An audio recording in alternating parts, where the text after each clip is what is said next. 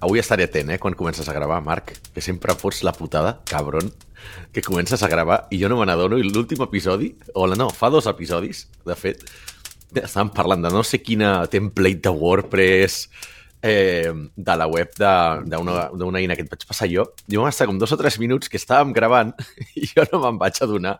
Sort que no vaig dir cap bestiesa. Home, déu nhi Vas confessar que havies fet servir aquell template. Que això ja té delicte, eh, xato? Té delicte. Això per mi sí, però bueno, ja que, ja que anem a tradició, volia que la nostra audiència sapigués que es fa aquesta cosa. Estava pensant just ara que la nostra intenció inicial d'aquest podcast era fer com un format més talk show i me n'he adonat, he tingut l'epifania, que sembla que més que estiguem fent com el, el Nadie sabe nada, saps? Que el, el podcast del Buenafuente i Alberto Romero, que és un podcast de... és un programa d'humor, però sense guió. O sigui, o sigui, avui decideixen un tema i parlen d'allò. Estan una hora parlant d'un tema completament improvisat. I crec que nosaltres estem anant més en aquesta direcció, no?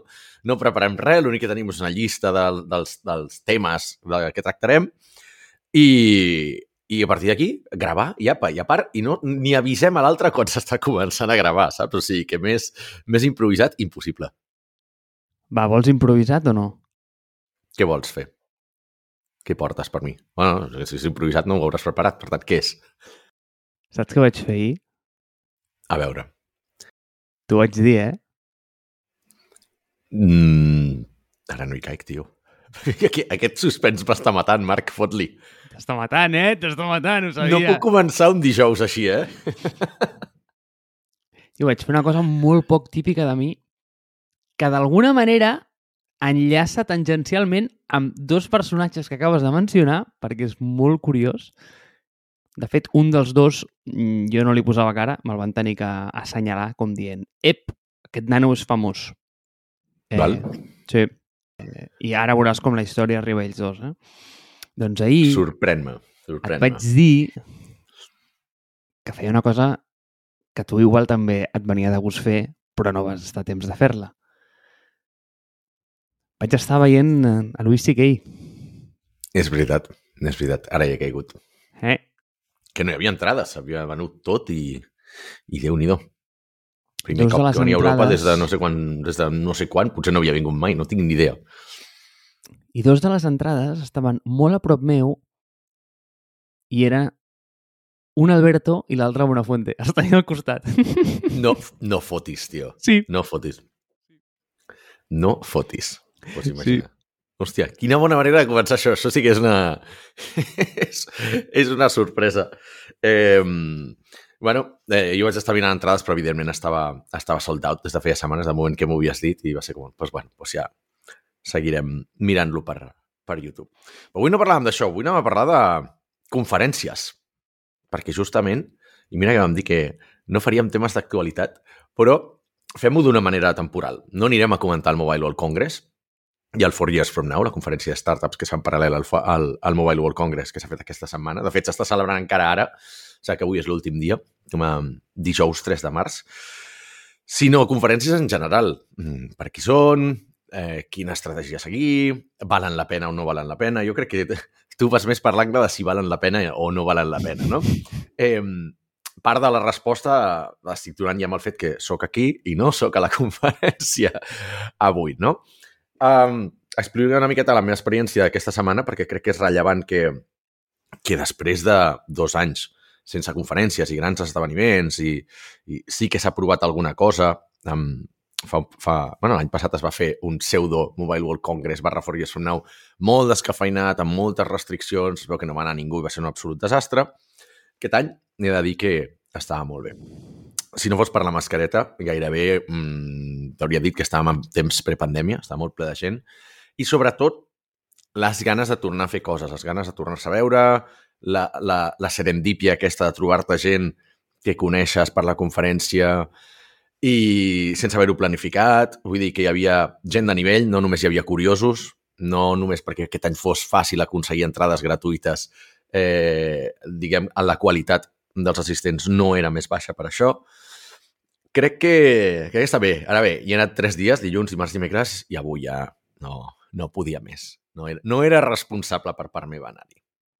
És que jo he estat en el mobile cada any De fet, des del primer any que van arribar a Barcelona, i, ostres, eh, veure'l créixer i sobretot veure créixer el Four Years From Now, per mi ha sigut una experiència brutal, perquè el primer any que vaig anar e, era una barraca allò, eh? O sigui, hi havia tres estants. I ara, ostres, eh, és una fira que dona gust, eh? De fet, jo no sabia que estava integrat dintre del mobile perquè fins que jo havia anat, que era... Clar, jo l'última edició que vaig anar va ser la del 2019, perquè la del 2020 no es va fer. L'any passat jo no vaig ser-hi, bàsicament pel, pel, pel que tu has dit, eh? jo crec que va ser una mica fiasco.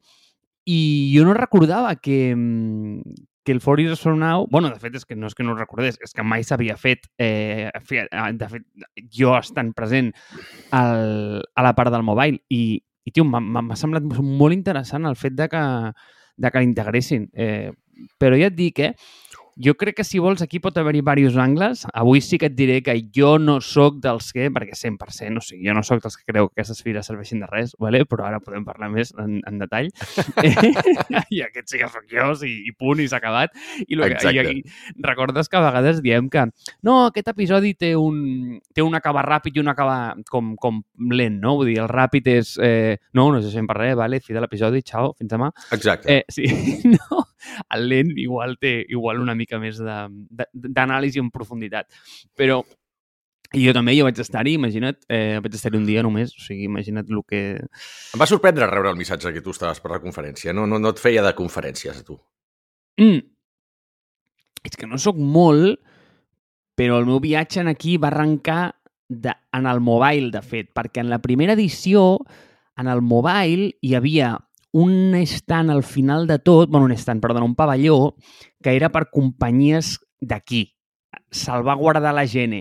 I a nosaltres, amb Yomando, que era aquesta companyia que, eh, que jo tenia abans d'accessibilitat, ens van convidar com a startup convidada i ens van posar en un pavelló d'aquells. I ens ho van donar. Eh, la veritat, mm, no ens va costar un duro. Mm, vam, anar de gratis.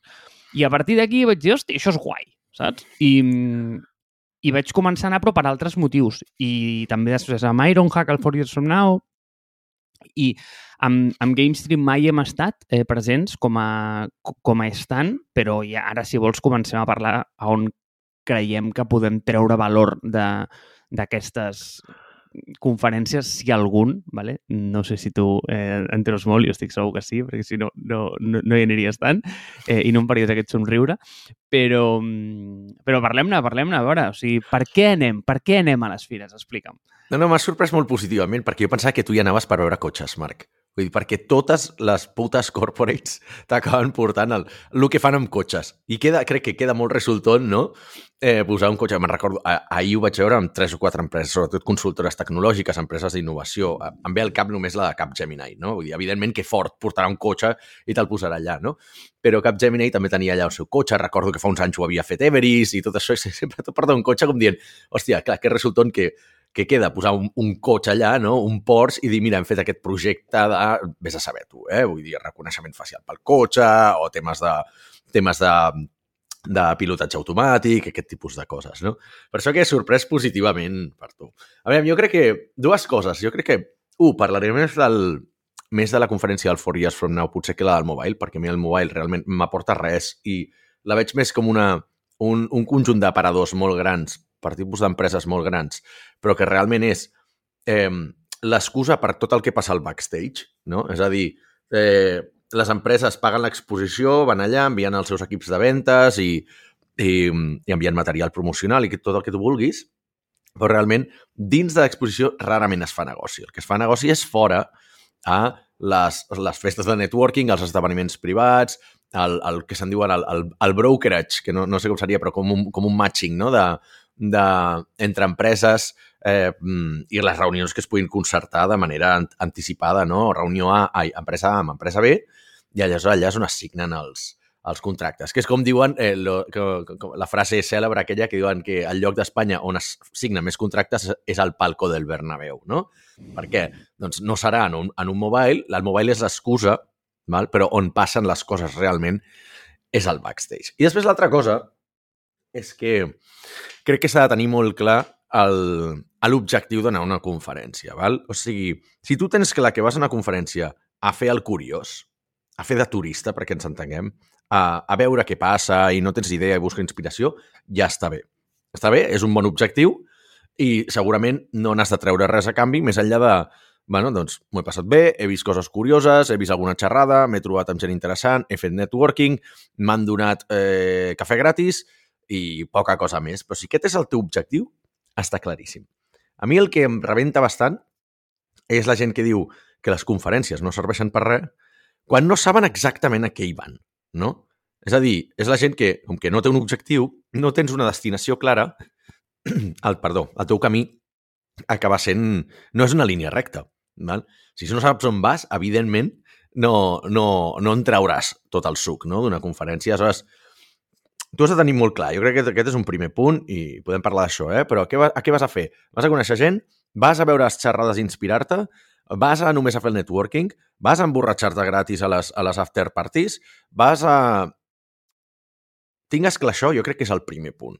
Val? Aleshores, per exemple, el meu, el meu punt d'aquests, i ara vull saber el teu també, però jo, al principi, quan anava a les primeres conferències d'aquest tipus, era anar a conèixer tot Cristo, parlar amb tot Cristo, perquè estava començant l'empresa fa 8 anys i no tenia res i no sabia res de què anava al món. Per tant, el meu objectiu era aprendre. Aleshores, parlava amb molta gent, veia xerrades, anava als networkings, entrava a l'hora que obrien i ta tancava la conferència. Val? Ara no. Ara hi vaig amb un objectiu molt clar, que és només el de serendipia 100%. És a dir, jo vaig a la conferència un parell de dies, m'estic allà tot el dia, sense agenda, perquè l'únic que vull fer és un un, diguem, quedar o trobar-me amb gent que sé que estarà a la conferència, ja sigui ho pactem abans o ens trobem de manera casual, i faig 15 minutets amb cadascú. I amb això pràcticament fas com la reunió que hauries de fer trimestral més o menys amb tothom, doncs la fas en, en dos dies, trobo amb 50 persones. Vale, tanquem el mobile primer, val? perquè a mi el mobile em sembla com un concepte una mica anacrònic, ¿vale? i t'explico el motiu. Eh? un Completament d'acord. És a dir, fa 60 anys jo estic segur que si tenies una companyia que fabricava perfils d'alumini, per dir alguna cosa, eh? Per veure aquests proveïdors i per veure què s'estava fent al món i tal, t'anaves a la mítica fira d'Alemanya, eh, no sé, com sorties fora i veies com d'alguna manera com, com s'estava innovant a la resta del món perquè anem a dir que la cosa no estava tan globalitzada. I era, era molt més sectorial, llavors pues, sí que tenia sentit i jo què sé, tio, si fabricaves pues, components per tractors, t'anaves a la fira del pagès de, de Salzburgo i en allà, hòstia, nano, es veu que allò pues, estava com la flor innata de, de la pagesia i allà hi havia com tota la innovació al voltant de, pues, no sé, els teus perfils d'alumini o els teus components de tractor. Vale? Clar, en un món globalitzat on tens internet de pel mig, això quasi, quasi com que serveix de una mica poquet. ¿vale? Llavors, per què em sembla anacrònic? Home, perquè, a veure, que em vingui Samsung i em porti els seus Super Galaxies eh, de la línia infumable, eh, que no pots entendre quin és millor que, que l'altre, eh, doncs està bé, però si entro a la seva pàgina web també hi són. No sé si m'explico. Llavors, no ho sé... I no, i no de fer cua perquè m'ho expliquin, oh, sí, perquè allà has de fer unes cues al·lucinants. Llavors, aquest concepte de, de show-off em sembla bé, però ja no té molt sentit en, l'any 2022. Mm, en, en, jo penso, eh, vull dir, és una opinió, eh, vull dir, em puc estar equivocant absolutament. I, i segur que hi ha gent que treu molt valor de, de, de tocar els dispositius i veure'ls, que per cert, amb tot el rotllo del Covid, flipo com els deixaven tocar d'aquesta manera perquè jo pensava que el tema seria com bastant tot darrere de les jaules i tal, que no els podia tocar res, però nen, anaves allà i els podies llapar, si volies, eh? Si volies fer el que volguessis, era collonant. Ningú et deia res. Però bueno, se la de... Eh, aquest és el primer. El mobile, mm, igual una mica encara estil eh, fabri eh, fira del tractor, ¿vale? Però, bueno, anyway, està bé. Sí, és una fira del tractor per gent en pasta, bàsicament, no? Exacte, exacte. O per flipats tecnològics, però sí, no, estic d'acord, no és... Però és que tampoc som el seu target, eh, nosaltres, vull dir que al final no som grans corporacions i no tenim aquest tipus d'interessos de hem, anar, hem d'anar a signar contractes amb HTC, amb Nokia o amb, o amb Samsung. No, no ho som. Clar, clar. Ah, mira, vale, va, pues et posaré un exemple bo. Va, és veritat, tens raó, va. Le partiré una, una fletxa a favor del mobile, va.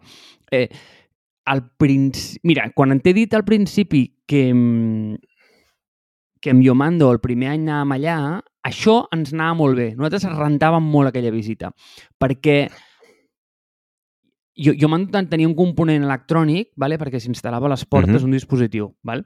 Llavors, el món dels xips i de l'electrònica, ara no ho sé, eh? vull dir, fa ja igual 10 anys que estic apartat d'aquest món, però és molt obscur, tio. És, és, és molt fosc. Vale? Eh, els deals es tanquen eh, directament amb el comercial, per entrar a conèixer el comercial te l'ha de presentar algú... És, no és una indústria oberta mm, de la mateixa manera que ho és la nostra ara mateix, val? Eh, val. I, la, i la del software, sinó que jo que sé, pues, per, per aconseguir un preu concret has de parlar amb el tio exacte, que pues, un tio et fa un deal millor que un altre dins de la mateixa marca, és tot molt difícil val, en aquell món. Llavors, el fet de que estiguessin allà i anar-los a veure, tenir aquesta relació de, de primera mà, era molt crític. És a dir, era un tio que no et tancava un acord si no et donava la mà eh, i, i, i et veia en persona. És, és, que és, una, és que és una, és una indústria és molt diferent. tan anacrònic tot això, Total. tan anacrònic. Llavors, bueno. em anava molt bé perquè anàvem allà i jo què sé, doncs mira, me'n recordo que els nostres proveïdors de xips de 4G, de, de l'última generació, que eren els últims que vam muntar, es deia Telit i anàvem allà i, escolta, en, ens veiem amb l'account manager de Telit, li explicàvem el projecte, llavors el tio ens oblia un malatí super shady, ¿vale?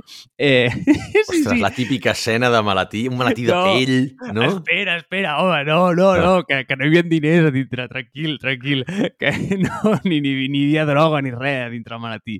A dintre el malatí estaven els xips, ¿vale? llavors tenia com, saps aquell malatí com, com d'alumini, com de quadradets, llavors que sobre i, i a dintre sí. pues, pues està tot el, tot el mostrari, no? Saps tot com allò típic... acolxat, sí, sí, sí. sí. és que no m'he imaginat el típic venedor de crecepelos, saps? Vull dir, que, que té la, que, que, aquella corbata i jaqueta, tot com molt antic, tot, que fa un olor de naftalina. Sí, i, sí, sí. I, i, I la típica maleta que dius, aquesta maleta ha viatjat més que Willy Fogg. Pues en aquest concepte està bé el mobile, ok? Vale. Llavors, tanquem el mobile. El mobile ja, mm, ja hi hem anat, no ens ha cedit per res, perquè tu i jo no hem de comprar cap dispositiu, ni hem de fer tractes amb, eh, amb, amb, amb account manager obscurs. No, no, Llavors... però hi ha, una, hi ha una, una cosa, eh, abans que ho tanquis, que generalment, i a mi és una de les coses que em rebenta d'aquest tipus de fires, és que vas amb la il·lusió de que allà podràs fer els tractes amb tota aquesta gent, però molt rarament la gent que pren les decisions són els que van a les conferències. Les conferències envien els minions, i envien els representants de ventes, els becaris, la gent en pràctiques i gent que les grans empreses es poden permetre que aquella gent es passi 3 o 4 dies jornada completa en una conferència sense, sense fer res més que repartir targetes de visita i dir, sí, sí, podem fer això, podem fer allò altre i ja et passarem al meu jefe. Llavors, al moment de passar al jefe, allà s'acaba perdent la majoria de, la majoria de converses, val? perquè tu, com a visitant, vas a l'estand de Nokia, tu penses, ostres, podré parlar amb els de Nokia, no sé què, et dona la targeta, gent que potser és que ni treballa per Nokia, són subcontractats, i, i, i després dius, vale, faig el follow-up, comencem a, a les converses per correu, fem una trucada per Zoom, el que sigui, i allà ja doncs, no hi ha interès. Per tant, ostres, bastant, bastant fake, eh, tot aquest tema també. Clar, sí, el, el, el jefe està al Sutton. Ell deu al mobile. Va, potser és que ni tan sols ha viatjat de Barcelona, eh? això també t'ho dic. Però bueno, deies, després de, tanquem el mobile. Tanquem el mobile i anem al teu punt, no? El de mm, objectius, em sembla molt bé el que dius, eh? Va anar amb uns objectius predeterminats i ja sabent què en vas a treure d'allò, perquè anar a fer... I ho diu la meva mare, em fa molt gràcia, molta gràcia el concepte. Anar a fer el pipa Eh, que, sí, el paperina. Sí, exacte, exacte. Està bé, està bé, però a veure, per fer això, fill, doncs vés a PortAventura. Tu passaràs millor, saps? Vull dir, no, no, no, no, no cal que et gastis els diners. Bueno, si et donen l'entrada gratis és ok, però m'agrada molt aquesta idea teva de la, de la serendípia. Però aquesta serendípia jo crec que ha d'anar una mica enfocada, perquè una cosa és serendípia per serendípia, eh, d'anar a veure què venen, i, i l'altra és dir, vale, eh, tinc, tinc un objectiu, sé què vaig a fer, però per altra banda, doncs, escolta, si algú interessant comes across, doncs millor que millor. I et posaré un exemple divertit. Per exemple, eh, amb Ironhack nosaltres sempre teníem un stand en allà en el Four Years From Now, perquè ens anava molt bé. En allà no anàvem a buscar inversors, però és que anàvem a buscar estudiants, tio. És que em sembla que un stand d'aquells, és que no recordo el que ens costava, però és que només que tanquéssim un parell d'alumnes, tio, està més que pagat. I, Clar. hòstia, és que tu saps la quantitat de gent que, fundadors, product managers, que venien en allà i que deien, hòstia, què foteu, tal? Eh, i, i, I collons, li, li ensenyaves una mica el tema de programació, li molava i, ostres, van sortir molts leads d'allà. Eh, jo crec que era una fira interessantíssima, però, per exemple, a Serendipia un any ens van posar al costat d'una empresa... Bueno, no, és que, mira, tio, Àlex, t'ho juro, eh? És que l'hauries de conèixer. És el millor venedor que jo he conegut mai a la meva vida. El Qui millor. és? Era un índio vale? que venia dildos d'aquests connectats, vale? o sigui, vibradors d'aquests que d'alguna manera estan connectats i, i tio, o sigui, eren joguines d'aquestes eh, sexuals, no?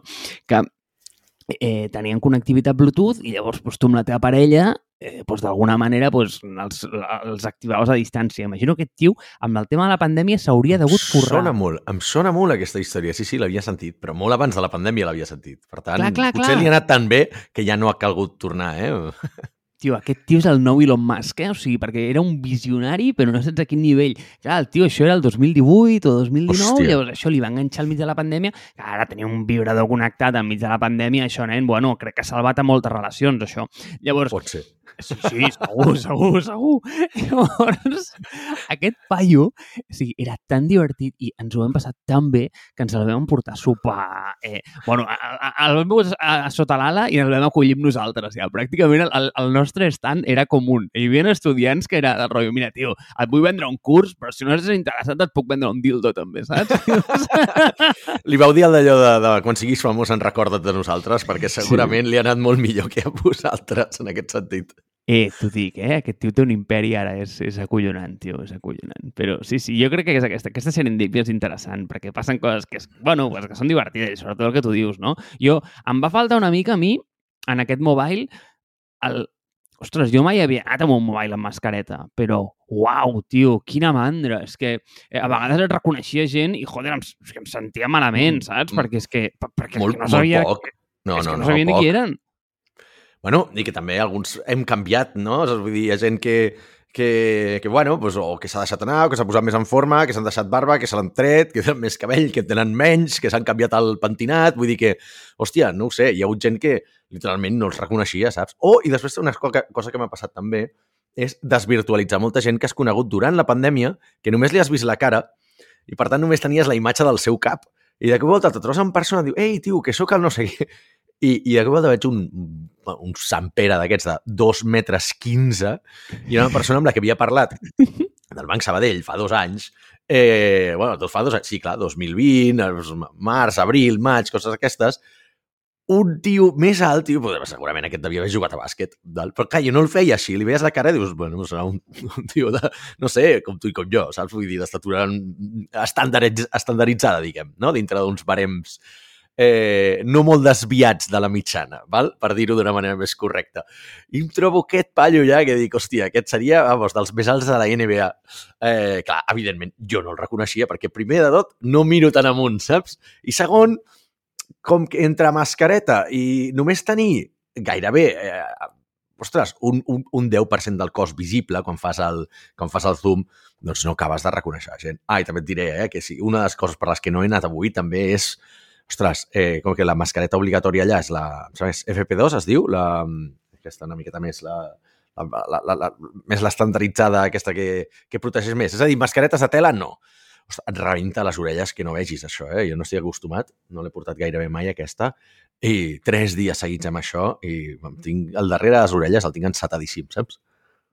Sí, duríssim, eh? És que jo igual que tu, jo vaig amb aquestes... Bueno, no, és que jo no sé amb quines vas tu. Jo vaig amb aquestes de roba, em sembla que en tinc tres, però jo les foto a la rentadora, eh? És que, a veure, per jo mi també. aquesta mascareta fa el fet. O sigui, per mi és un ja no és un tema de no agafar el Covid, que per cert, si allà, Àlex, tu i jo hem agafat el Covid, hem agafat una variant molt estranya, eh?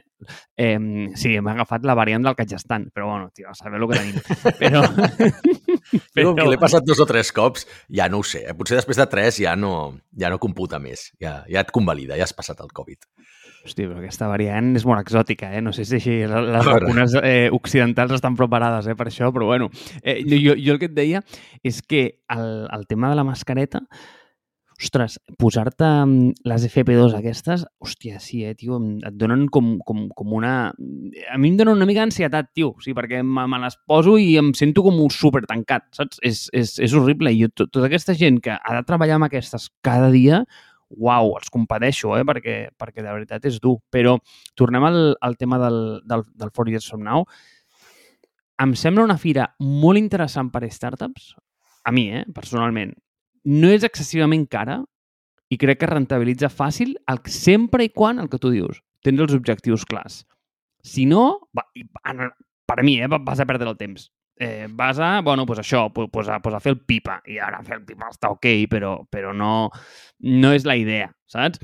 Llavors, si tens una companyia en què està en un moment que, per exemple, vol aixecar capital, vol guanyar exposició, vol mm, connectar-se amb proveïdors o, o tenir com una relació més directa amb sinergies dintre del, de l'ecosistema. Ahir pots fer coses interessants.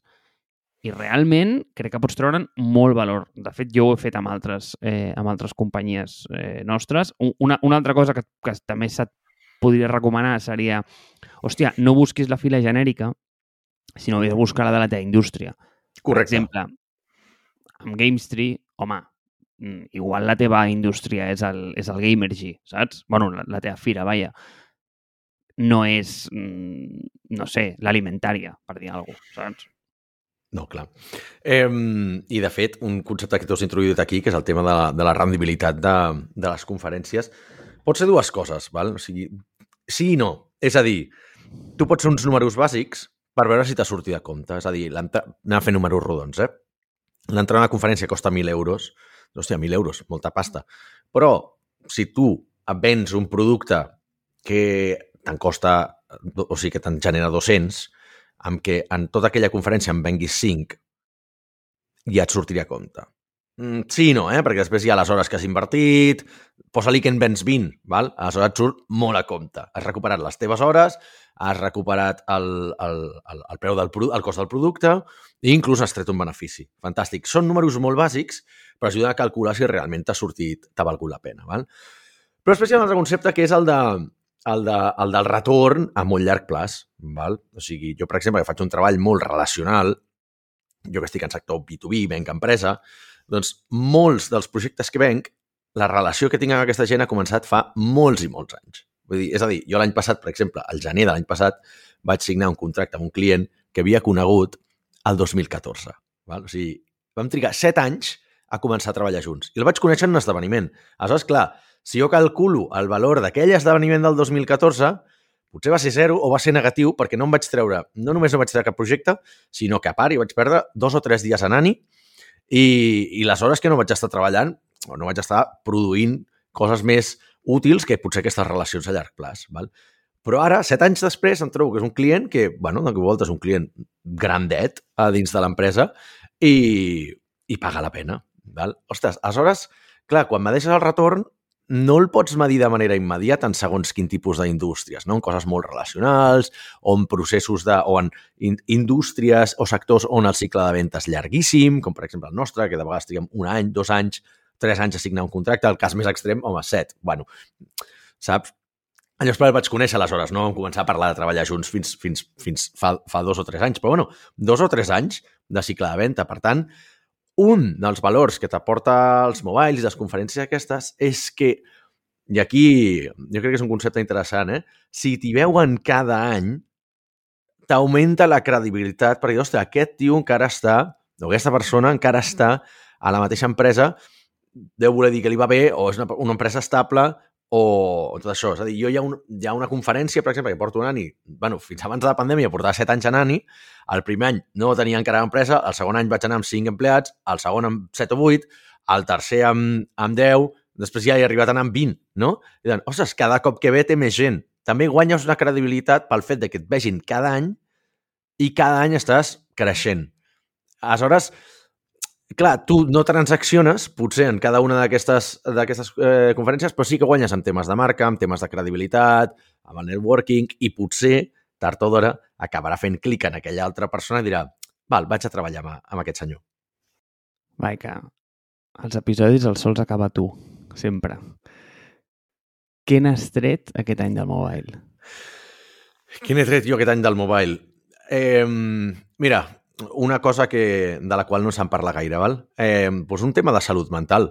Mm, tenia ganes de tornar a veure gent, de, de, de, de, de tocar gent, o sigui, tenir el contacte físic, entenguem-nos bé, eh, tornar a veure acumulacions, eh, per mi ha estat molt alliberador, perquè eh, no... Ja saps que part del que faig és això, però, però jo m'alimento també d'aquest tipus d'esdeveniments, de, d'aquest tipus de dinàmiques, i trobava, tenia una angoixa molt gran, eh, un esgotament mental al·lucinant, i no ho he passat bé, en aquest sentit, els últims do, dos anys, com més s'allarga. I això he de dir que ha estat com... Potser ha estat un oasi en el desert, però realment m'ha donat una certa... una miqueta de pau veient que ens acostem al final del túnel.